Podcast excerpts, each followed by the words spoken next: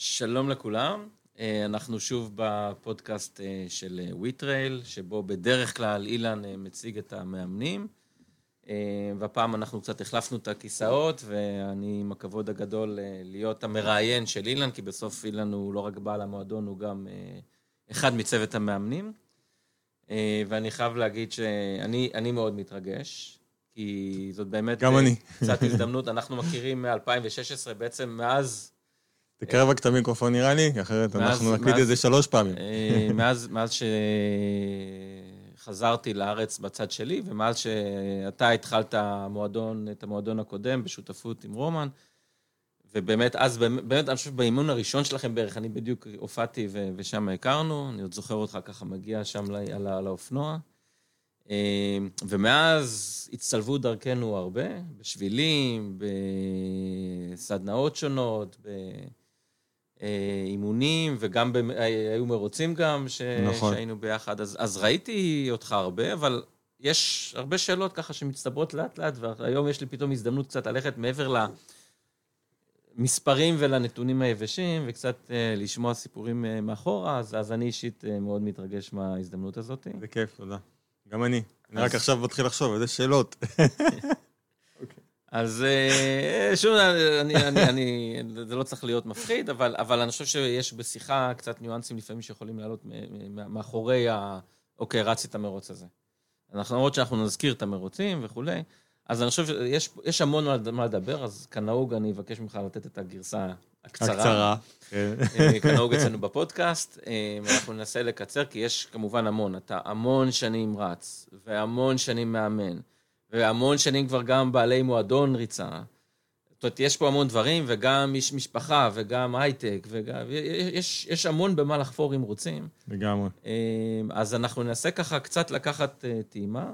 אנחנו בגדול, אנחנו נדבר היום על, על אה, אילן הרץ ואילן המאמן, ואחר כך כמובן נדבר גם קצת על המועדון ש, שאנחנו פה תחת הכותרת של וויטרייל. אז בואו בוא נתחיל. אה, ונתחיל באמת אה, עם אילן הרץ. אז אולי תספר קצת ככה על המעבר הזה, על הכניסה לעולם הריצה, איך אתה הגעת? אה, אוקיי, זה היה משהו מאוד לא מתוכנן, מאוד אקראי, כמו אצל רובנו אולי. זה היה ב-2004, אני חושב, כן, 2004. בדיוק סיימתי, הייתי קצת אחרי סיום תואר שני. והייתי קצת overweight, איזה 15 או 20 קילו יותר ממה שאני היום. כן, כן, כן. גם שאני גבוה, לא ממש ראו שאני שמן, אבל הייתי יותר.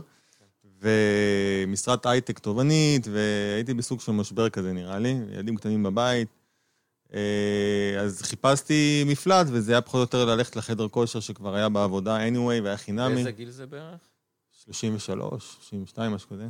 אה, כמעט לפני 20 שנה. אה, אז נכנסתי לחדר כושר שהיה בעבודה גם ככה, אה, והתחלתי לרוץ על המסילה, איזה פעמיים בשבוע, ואז נהיה שלוש פעמים בשבוע, ושמתי לב שכל פעם שאני יורד מהמסילה, אז, אז, אז אני רוצה לחזור, אני מחכה לזמן שאני אחזור לזה. וזה נהיה סוג של שגרה במשך כמה חודשים, ואז גם הכרתי את האנשים שם בחדר כושר ואת המאמן, שאמר לי, יאללה, בוא נעשה מרוץ. בוא נעשה מרוץ, אה, זה היה אז, אני חושב, בקיץ, יולי-אוגוסט, היה בינואר מרוץ אה, אה, במרתון טבריה, אז קראו לזה טרייסריון, או טרייסרון, לא יודע מה זה, 12 קילומטר, בואו נרשם לו 12 קילומטר. סבבה, נרשמנו. ו... מאמן של החדר כושר? כן, כן, כן, שהוא גם רץ, לא... אני חושב שאז עוד לא היה את הקונספט בכלל של אימון ריצה או מאמני ריצה, זה היה משהו ממש ממש ראשוני. אה, אז הבנתי שאני גם צריך עכשיו להתחיל לרוץ בחוץ קצת, אז התחלתי גם לרוץ בחוץ. כמובן שעשיתי הכל עצמאית, לבד, אולי קצת גוגל, מדי פעם בדקתי וזה, אבל לא, לא... בעיקר עשיתי מה שחשבתי שצריך לעשות, שזה לרוץ, לרוץ, לרוץ, לרוץ ולרוץ. אה, אבל אהבתי את זה. אה, תמיד הייתי חוזר בסיום הריצה, כמה שזה לא היה, בין אם חצי שעה או שעה, הייתי חוזר הביתה והיה כואב לי פה וכואב לי שם, אבל אמרתי, טוב, אם כואב לי אז, אז, אז זה בסדר. זה סימן שעשיתי משהו. אה, הגענו למרוץ, זה היה המרוץ הראשון שלי ever בחיים, 12 קילומטר, והיה את הזינוק של המרתון לפני, אז זה היה ב-2000, אני חושב בינואר 2005, וזה היה, אה, לדעתי, אז נילי אברמסקי עשתה איזה שיא אז, אה, ואני זוכר גם שראיתי אותה בזינוק, ועוד איזה 100-200 איש, מרתון טבריה אז היה סדר גודל כזה, אבל היה כזה high, היה vibe נהדר, ואווירה חבל על הזמן, ואני רואה את זה, והייתי מהופנט, אמרתי, אני רוצה כזה. מתישהו אני אגיע לזה גם. וככה זה התגלגל, סיימתי את ה-12 קילומטר, היה לי נהדר, לא משנה שהכל כאב לי, לא התייחסתי לזה, ואז המטרה הבאה, מן הסתם, עשית 10 קילומטר, 12, מה תעשה? חצי מרתון. היה איזה מרוץ בהמשך אה, שקראו לו שלושת הגבולות, משהו כזה, מרוץ שלושת הגבולות. אם אני לא טועה, זהבה שמואלי ארגנה אותו, באילת, חצי מרתון. אני מקווה שאני לא טועה בפרטים. ואמרתי, בואי נתאמן אליו, זה אמור להיות... לא נשאר אף אחד בחיים שיזכור. כנראה. אז אמרתי, בואי נתאמן אליו, זה היה חודשיים, שלושה אחרי זה. אה, וברגע שחזרתי להתאמן אחרי המרוץ, אה, הושבדתי לגמרי. כאבים, פה ושם.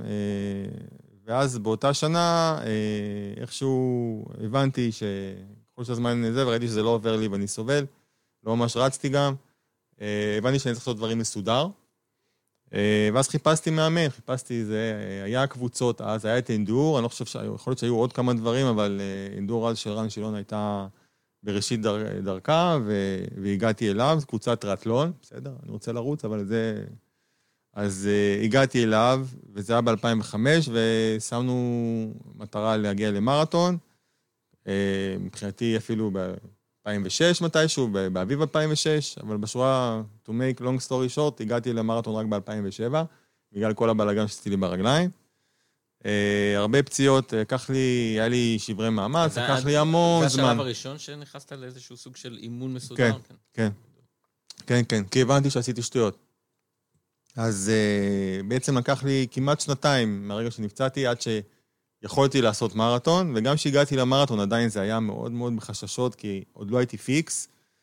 זה רק, המסקנה היא uh, שנכנסים לעולם הזה, צריך לעשות את זה באופן מסודר ולא לא, לא אימפולסיבי, כי אחרת אפשר לשלם לזה, ואני שילמתי.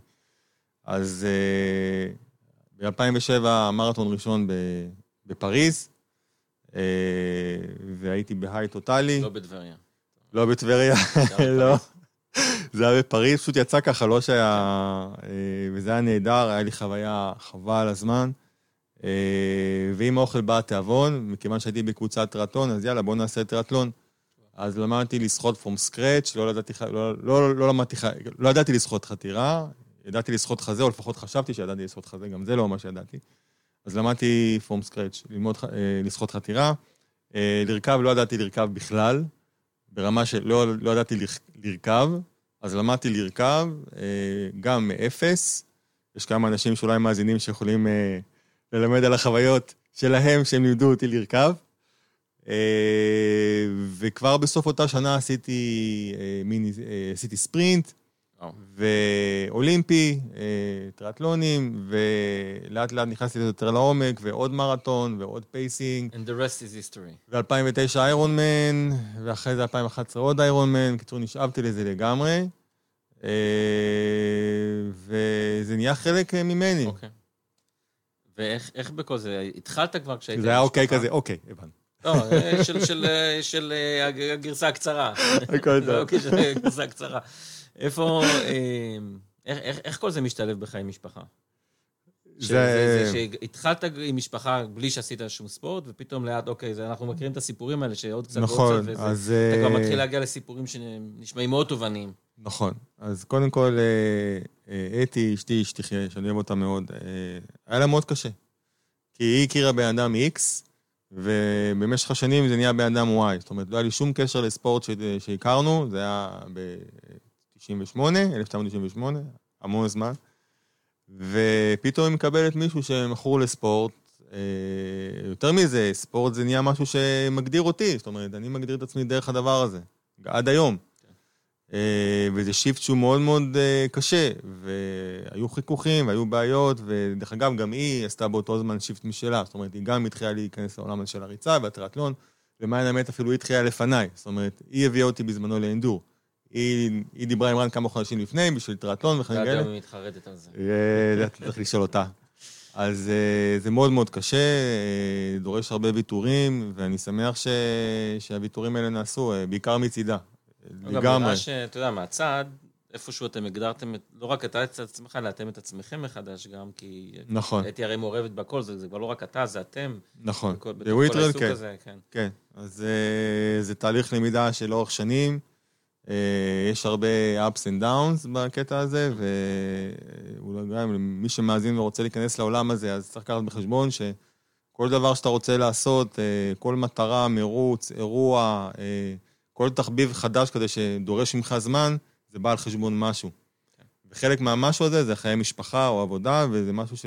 ואת הדברים האלה צריכים להציף ולדבר על זה, לקבל את ההסכמה. תמיד כשבאים אליי מתאמנים ואומרים שהם רוצים לעשות 1, 2, 3, אני אומר להם, מצוין.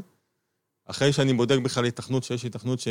בוא נגיד פיזית או מנטלית לעשות את זה, הדבר הבא זה ללכת לדבר עם המשפחה, לקבל את האוקיי, כי, דבר, כי דברים כאלה אי אפשר לעשות אה, כי בא לך, ובלי התמיכה של המשפחה, זה בלתי אפשרי. חשוב מאוד, אני לא, אפשרי. לא, לא מהיכרות אישית, אבל זה כן. מתוך היכרות עם הרבה סיפורים, אני חושב שאתה נגעת פה בנקודה מהמם. מאוד חשובה להרבה אנשים. אה, אתה יודע, אנחנו תכף גם נעבור לשטח וכניסה לשטח וכולי. אה, איפשהו זה תפס אותך והתרחב, ואחר כך עוד דרגות ועוד דרגות. אתה יודע להסתכל אחורה או על היום ולהסביר מה, מה, מה, מה הריצה בשבילך, מה, למה, למה זה חלק כל כך משמעותי בשבילך? אה, זה הרבה סיבות, אני חושב. קצת נכנסתי לפילוסופיית מורקמי כזאת. אה, לא, בסדר גמור, אה, זו שאלה טובה. אה, אין לי תשובה חד משמעית. קודם כל, זה סוג של אה, בריחה בשבילי. אם אני מסתכל על- על מ-2004, שהתחלתי לרוץ ועד היום, אה, אם יש משהו שהיה יציב תמיד וקיים, זה הספורט, זה הריצה. תמיד היה שם. אם עבדתי או לא עבדתי, אם הייתי במצב טוב במשפחה או לא במצב טוב במשפחה, אם הייתי בדאון או בהיי, אה, בכל סיטואציה שהיא, בחו"ל, בארץ, חם, קר, הריצה תמיד שם. תמיד יש את האפשרות לצאת החוצה ולרוץ, ולעשות סוג של, סוג של ניקיון. אה, וזה לא משנה אם זה היה ריצה טובה או לא, אם הרגשתי טוב בריצה, או היה לי ריצה על הפנים או ריצה מדהימה. עצם זה שיש לך את הריצה, זה סוג של תרפיה. אה, זה נראה לי הדבר העיקרי, זה הדבר העיקרי שגורם לי לעשות את זה. אה, אני גם אוהב את זה. אה, מעבר לזה, זה גם, אתה יודע, זה דבר טוב, זה טוב אה, אה, לבריאות, כל עוד עושים את הדברים בצורה נכונה, נקרא לזה, לא ניכנס לזה, אבל זה בהחלט דבר בריא ודבר טוב, זה עוזר לך פיזית ועוזר מנטלית. זה בעיקרון הסיבה שאני עושה את זה. אני אוהב את זה. אוקיי. אז בואו נעבור קצת. לדברים, לפרקים היותר זוהרים, למרות ש... אתה יודע, להגיד טריאטלון והדברים האלה, ומרתונים זה מספיק זוהר, זה התחיל. להרבה הרבה זמן. אה, איפה, איפה נכנס לך כרץ המעבר הזה לריצות שטח, ריצות אולטרה?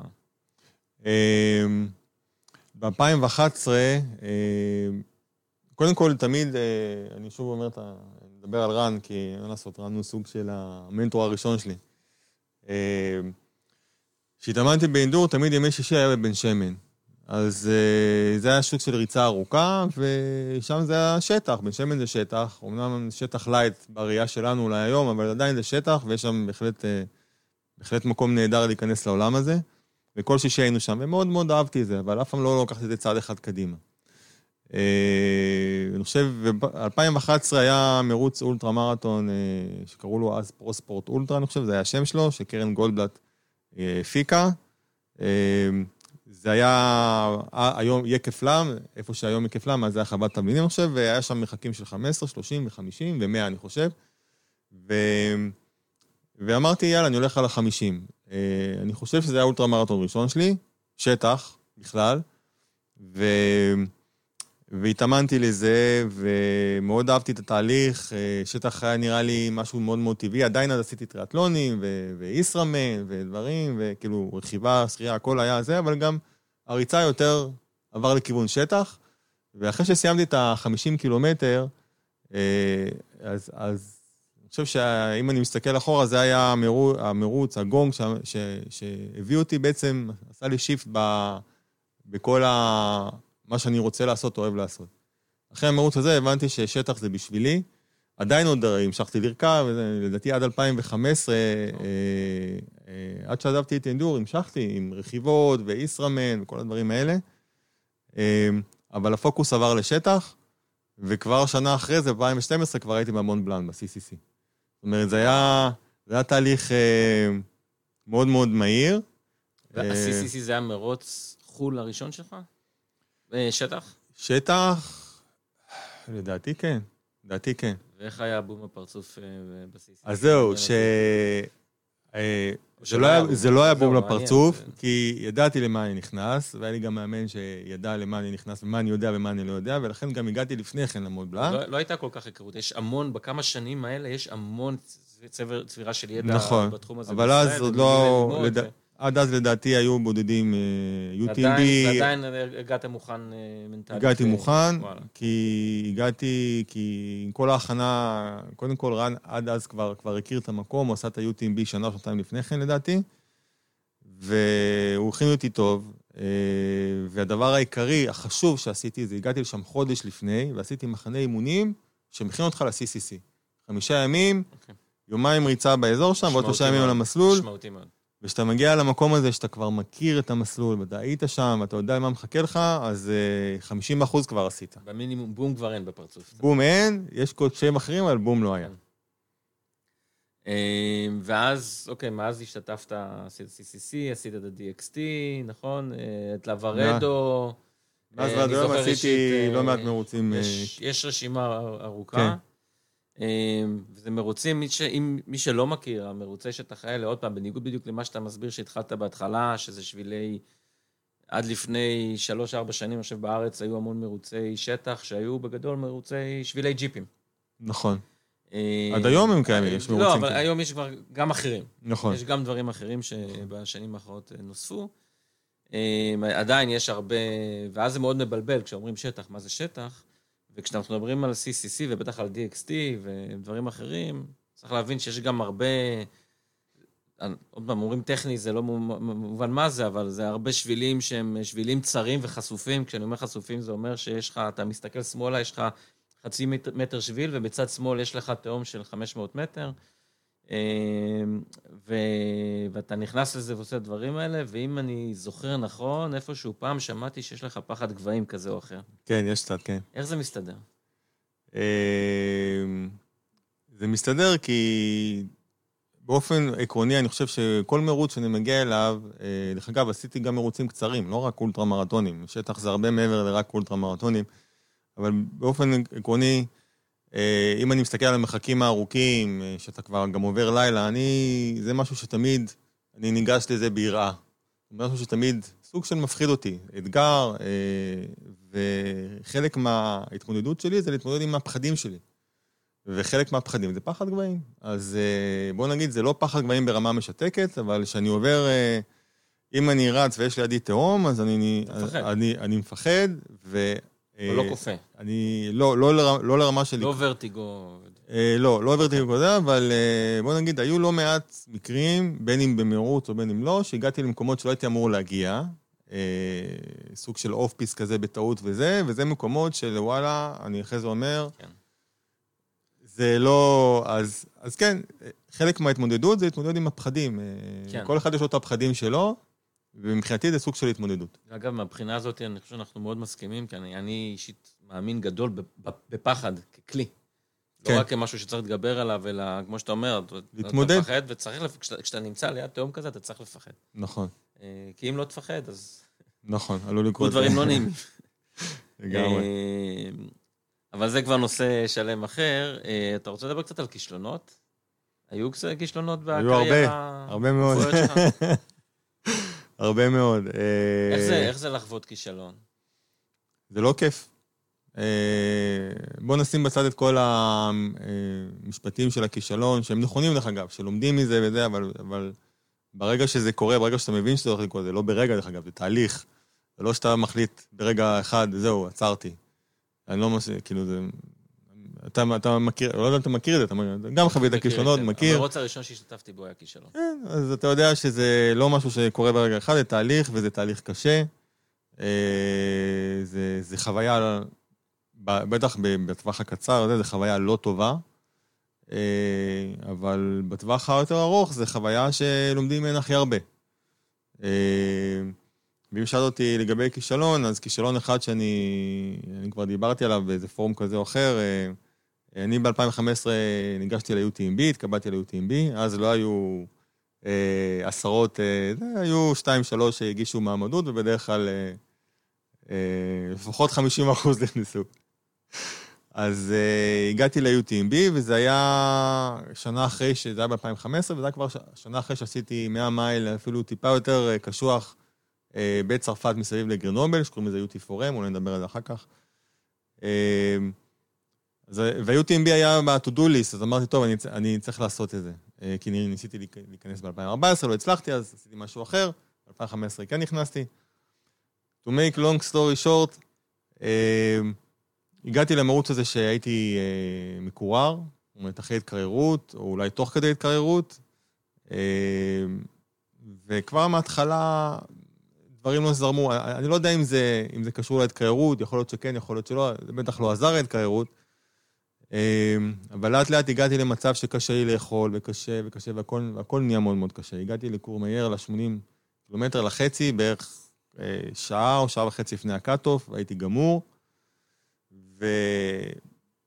ונשארתי שם עוד איזה חצי שעה זה, וממש יצאתי אולי חצי שעה לפני, אני לא זוכר את הזה, אבל ממש קצת לפני ה cut-off יצאתי.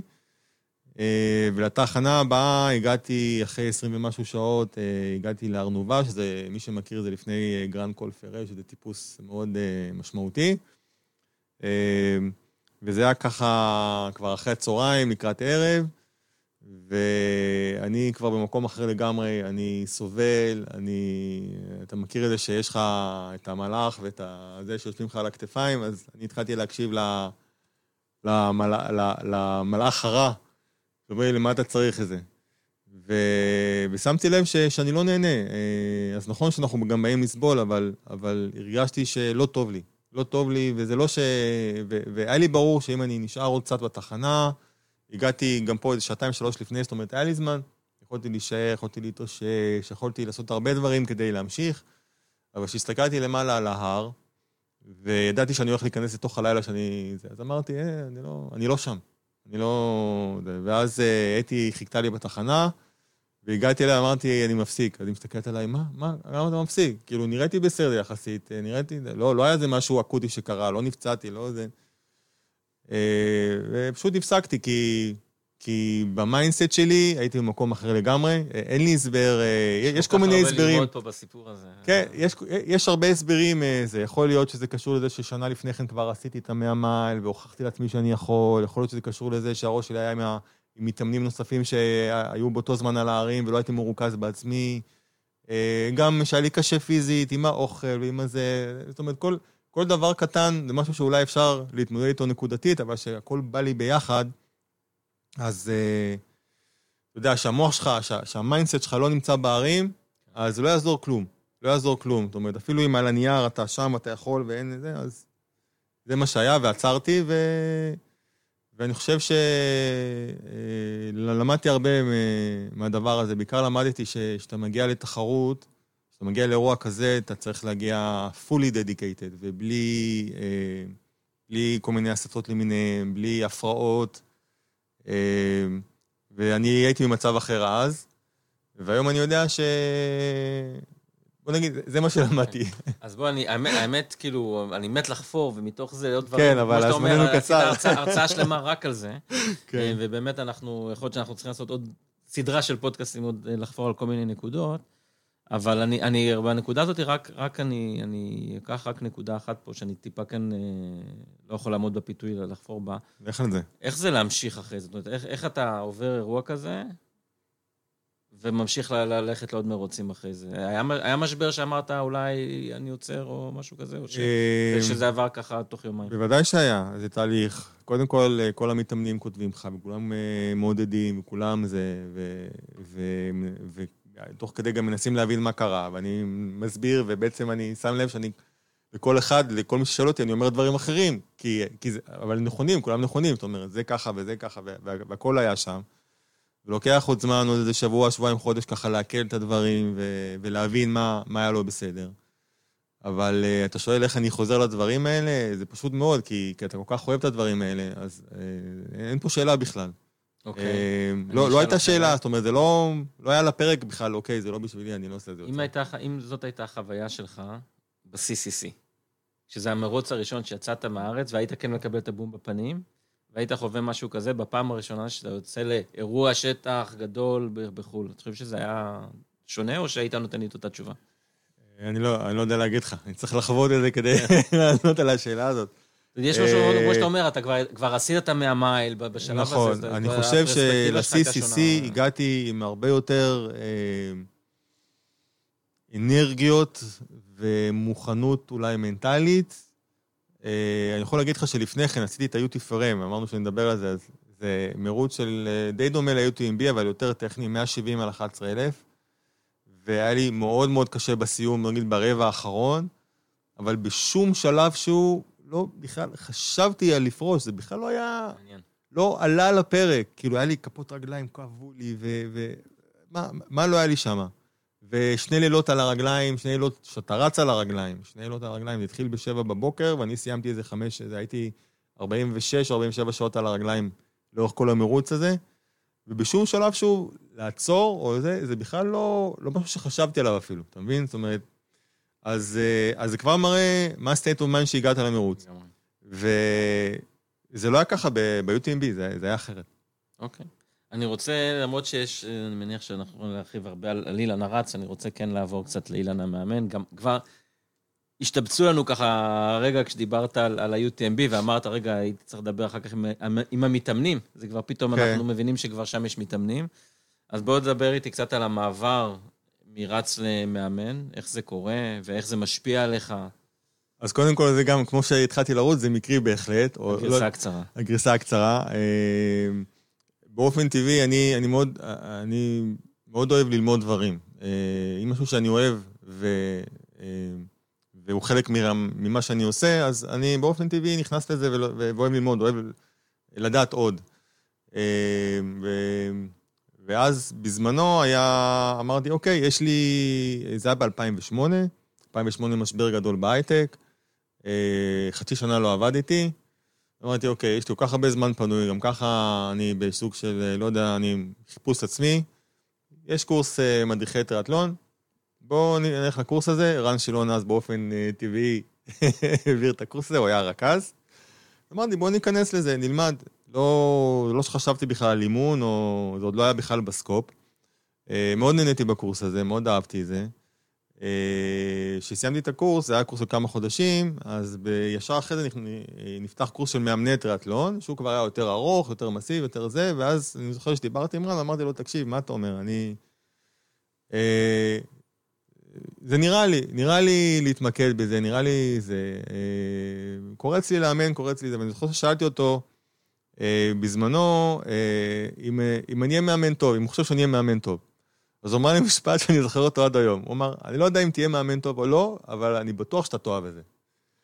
אז אמרתי, אוקיי, זה מספיק לי. נכנסתי לקורס מאמני טראטלון, תוך כדי גם נכנסתי, התחלתי לעבוד בהייטק, הפעם בתור פרילנס, אז זה גם מסתדר איכשהו עם ה... סיימתי את הקורס מאמנים, והתחלתי לאמן במסגרת אנדור. אה, והמשכתי בהייטק כפרילנס, ותכלס... אימנת ריצה ועשית את הקורס אה, של ה... בזמן שעשית את הקורס של המאמני טריאטלון. כבר אימנת... לא, לא, אימנתי רק אחרי שסיימתי את הקורס מאמנים, אה, וזה גם היה בהתחלה קבוצה קטנה, ולאט התפתחתי... לא, אני מתכוון, עשית בהתחלה קורס מאמני ריצה? לא, בהתחלה זה קורס מדריכי טריאטלון, ובהמשך ישר לקורס מאמני טריאטלון. וכשסיימתי את הקורס מאמן טריאטלון, אז התחלתי לאמן באינדור, ובעצם שם גם די התפתחתי. אה, זה היה 2010 או 2009 שסיימתי את הקורס מאמנים. 2011 כבר הייתי באולטרה הראשון שלי, ובאופן טבעי אנשים מתחברים אליי, ראו מה אני עושה, זה היה נראה נחמד, היה זה, 2012 כבר הייתי ב-CCC, ב-2013 TDS, הגרסה הקודמת של 119 קילומטר. אה, ותוך כדי זה אני גם מאמן אנשים אה, לשטח. אה, אני גם פונה לשטח, אני יותר עושה שטח, אני גם כותב על זה ואני מדבר על זה. וב-2014, במסגרת אינדור, אני כבר מגיע, אני מגיע אז ליוטי פורם, אבל לוקח איתי עוד שמונה חבר'ה לשמוני, לעשות את ה-OCC. מאינדור. מאינדור, כן, לעשות את ה-OCC. זאת אומרת, כבר אז אימנת אותם בשטח. כן, כן. אה, בשטח, הם מגיעים ל-OCC, אה, אני מסיים את התחרות, אה, את ה-UT פורם שבוע לפני, ואני חוזר לשדה, פוגש אותם והולך איתם ללוות אותם ל-OCC. קראו להם, היו שמונה חבר'ה, אז קראנו לזה השמונה לשמוני. זה בעצם הייתה החוויה הראשונה שלי כמאמן, להביא אנשים לתחרות בחו"ל וללוות אותם שם, וזו הייתה חוויה שאני אזכור לכל החיים, מדהימה, גם להם, אני מאמין, מקווה. אה, הם כולם סיימו, כולם... אה, אה, זה, וזה, ובעצם שנה אחרי זה אני ב-UTMB, והבאתי עוד אנשים, כשדיברתי על UTMB, אז חלק באו ל-OCC, חלק באו לשפה בל, אתה פגשת אותם. זאת אומרת, כל שנה זה, העסק הזה עלה ועלה ועלה ועלה, ו... ובסוף 2015, או אחרי ה-UTMB של 2015, אז נפרדתי מרן והמשכתי הלאה. בעולם השטח. ו... עצמאית יותר. זה מה שאני עושה, כן, זה מה שאני עושה מאז. מדהים. אז בואו, לפני שאנחנו עוברים לדבר על הקבוצה, אולי קצת, בכל זאת, אתה כבר הרבה שנים כמאמן בכל מיני כובעים. יש לך גיבשת איזשהו אני מאמין, מה הפרמטרים? אני מניח שיש לך אולי רשימה של 100 דברים אה, וניואנסים, אבל שניים, שלושה דברים שמגדירים אותך או את האמונה שלך כמאמן? אה, hmm, אה, יש הרבה. תן לי לחשוב. בואי ככה, אני מאמין בלתת לרץ או למתאמן שלי את הספייס, להחליט מה טוב לו ומה לא טוב לו. אומרת, אני אה, לא... אה, אני רואה פשוט, אני רואה פשוט מאמנים אחרים מה הם עושים, פחות מדבר אליי, אני לא בא למתאמן ואומר לו, אתה צריך לעשות 1, 2, 3, או את המרוץ הזה והמרוץ הזה ועד זה. אני נותן, אני מאמין בלתת מרחב, לתת, להציע הצעות, וללכת עם מה שעושה לו טוב. זאת אומרת, מה שעושה לו את זה, אוקיי? ובעצם להציב גבולות גזרה, אה, להגיד מה הדרך הכי טובה שתביא אותו לשם, אה, ואז להתאים גם את ה... הרי כל אחד מגיע עם, עם חלומות, ומגיע עם, אה, עם, אתה יודע, עם נתונים של פתיחה, כל אחד מגיע עם נתונים אחרים, מרקע אחר, כל אחד מגיע עם אילוצים אחרים. אז אני משתדל להתאים את ה... את התוכנית או את הליווי אה, למה שיעבוד, אוקיי? אה, זה בגדול. אה. אה, אז בואו נדבר על ה WeTrail, שאנחנו WeTrail. התחלנו. אה, אז, אז באמת אני, אני רוצה לשאול, מה, מה, בואו נתחיל במי שלא כבר חווה דבר כזה. אה, מה, למה לרוץ בקבוצה? מה, מה נותנת קבוצה לרץ, ואני ארחיב אפילו את השאלה ואני אגיד, בוא נגיד, אני היום רוצה להתאמן. אני בא לוויטרל ומצטרף לקבוצה ורץ בקבוצה, או שאני מתקשר לאילן ואומר, בוא תעשה לי תוכנית אישית ותאמן אותי כרץ, או שאני אומר, אני רץ בקבוצה ואני רוצה את אילן כמאמן.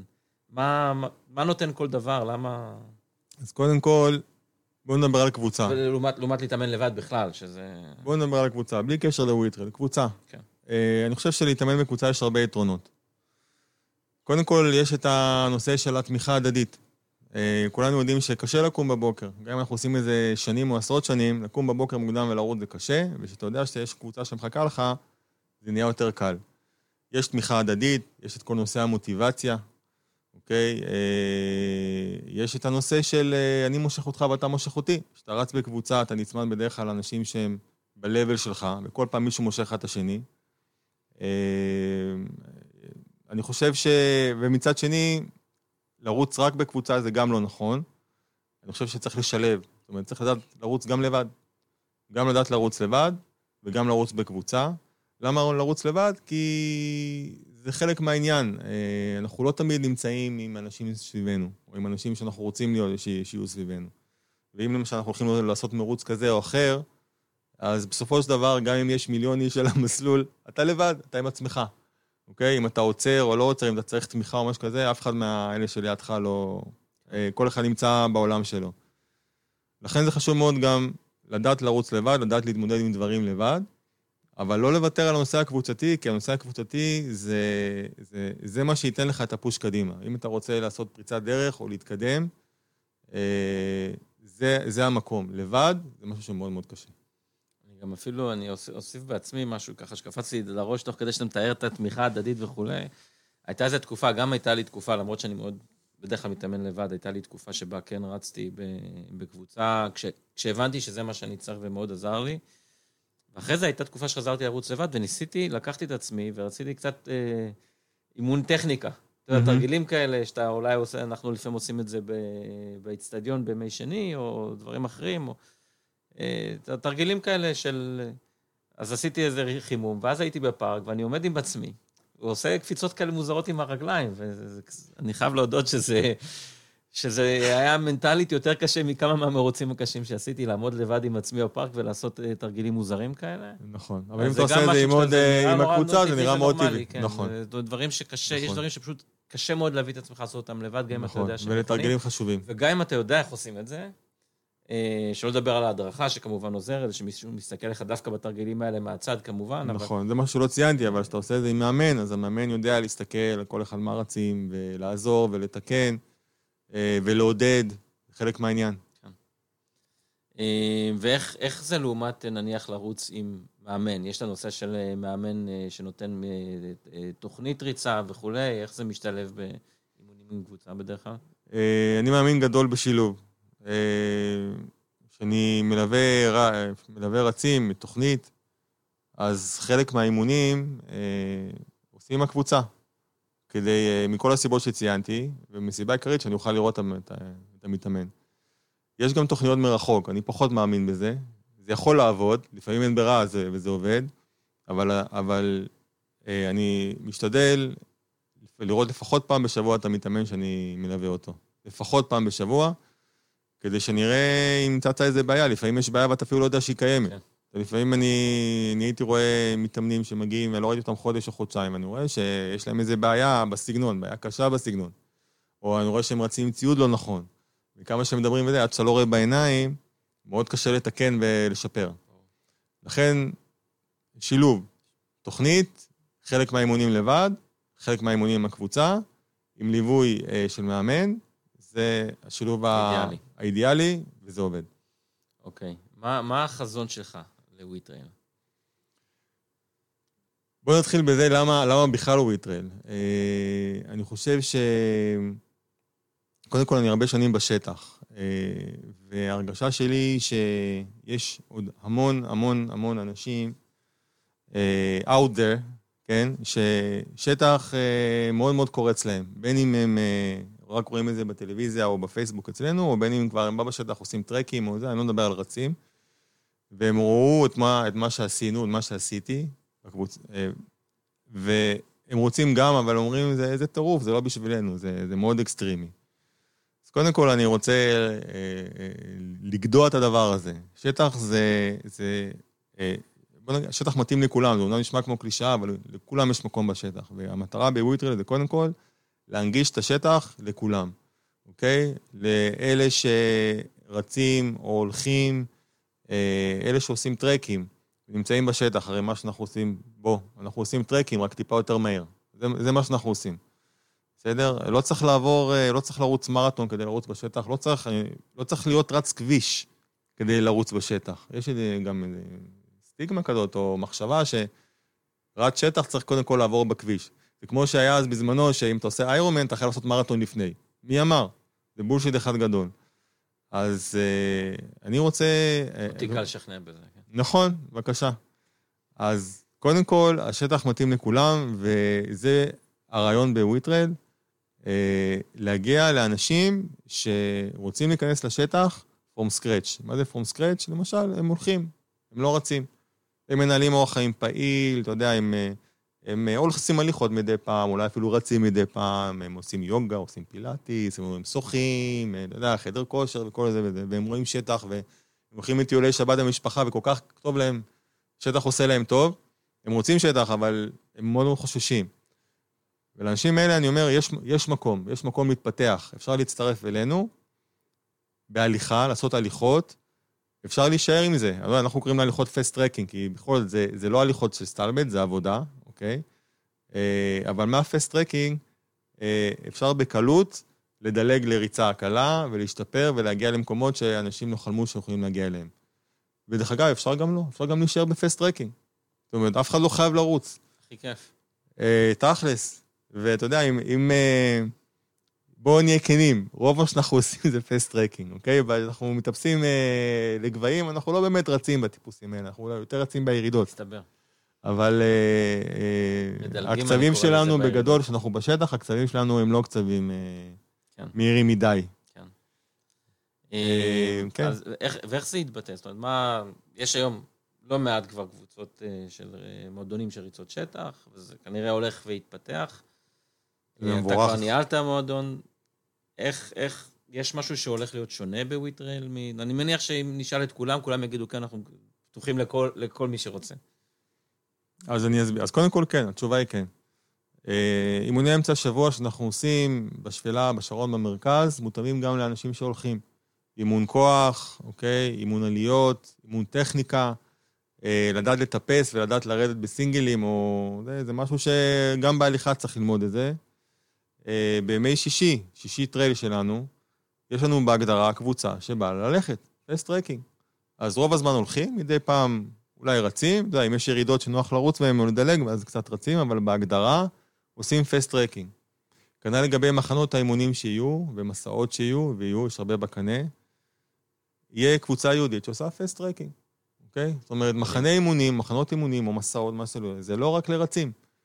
ואז, אה, וזה, וזה, וזה לדעתי, כמו שאני רואה, זה פותח עולם חדש לגמרי לאנשים שעד היום כל כך נרתעו משטח. אתה מבין? אתה, אתה בא למחנה אימונים, נגיד לסוף שבוע, סתם אני זורק איזה, אתה עושה הליכה ביום אחד, ביום אחר בא לך קצת לרוץ, אז אתה עושה, הולך, עובר קבוצה וזה, ו, ואתה גם פוגש את האנשים, את כל אלה שרצים עם הסכין בין השיניים, אתה יודע, כל המהירים והמנוסים, אז בערב אתה יושב איתם, נכון, מסביב למדורה, או במלון, או ארוחת ערב, או מה שזה לא יהיה, ואתה אומר, וואלה, אלה בני אדם נורמליים, כמוני כמוך. הם גם התחילו מההליכה. פעם הם אפילו לא רצו, פעם הם היו מאוד מאוד שמנים, פעם זה, אתה רואה שזה, וואלה, זה לא, השד לא כזה נורא. כן. אפשר לעשות הכל. ככה אני רואה את הדברים, זה החזון שלי. להביא את כולם, זאת אומרת, השטח שייך לכולם. מעולה. אה, אני חושב שדיברנו על המון דברים. אה, עוד איזה משהו שפספסנו, לא יודע, יש לך- שכדאי- יש לך פה רשימה, לא? יש יש רשימה ארוכה מאוד, כן. תעבור על הרשימה, תראה. נראה לי, לא, בגדול נראה לי, אני מצטער להסתכל. אנחנו גם. מדברים הרבה זמן כבר, לא? כן, כמה זמן נכון, אני? לא יודע, אבל הרבה זמן. הרבה זמן. אה, אז אני רק, אני רק שואל, אם אה, בראש שלך פתאום קופץ איזה משהו שבוער מאוד שחייבים אה, זה, לפני שאנחנו מסיימים? אם לא, זה בסדר, אנחנו... לא, אני חושב ש... כיסינו את רוב הדברים שאני חושב שהיה חשוב לכסות. לפחות לפודקאסט הראשון, אנחנו נכנס עוד אה, חפירה בהזדמנות. בוא נגיד שאיתך אפשר לעשות מיליון פודקאסטים, אני בטוח. תמיד כיף לדבר איתך. או פשוט לקרוא את הספר, אבל זה כבר... זה הבעיה שאצלך אין ספר, אז אנחנו... אין, אני אני צריך לא- לעשות עוד פודקאסט בשביל אני לחפור. מתרכז בדברים שאני יודע לעשות, שאני טוב בהם ושאני אוהב אותם. מעולה, אז אילן, תודה רבה. היה לי תענוג. תודה לך, ארי, היה כיף גדול. אה, נתראה שוב מחר בשישי יתח. שישי trail. שישי trail. תודה, ארי, היה כיף.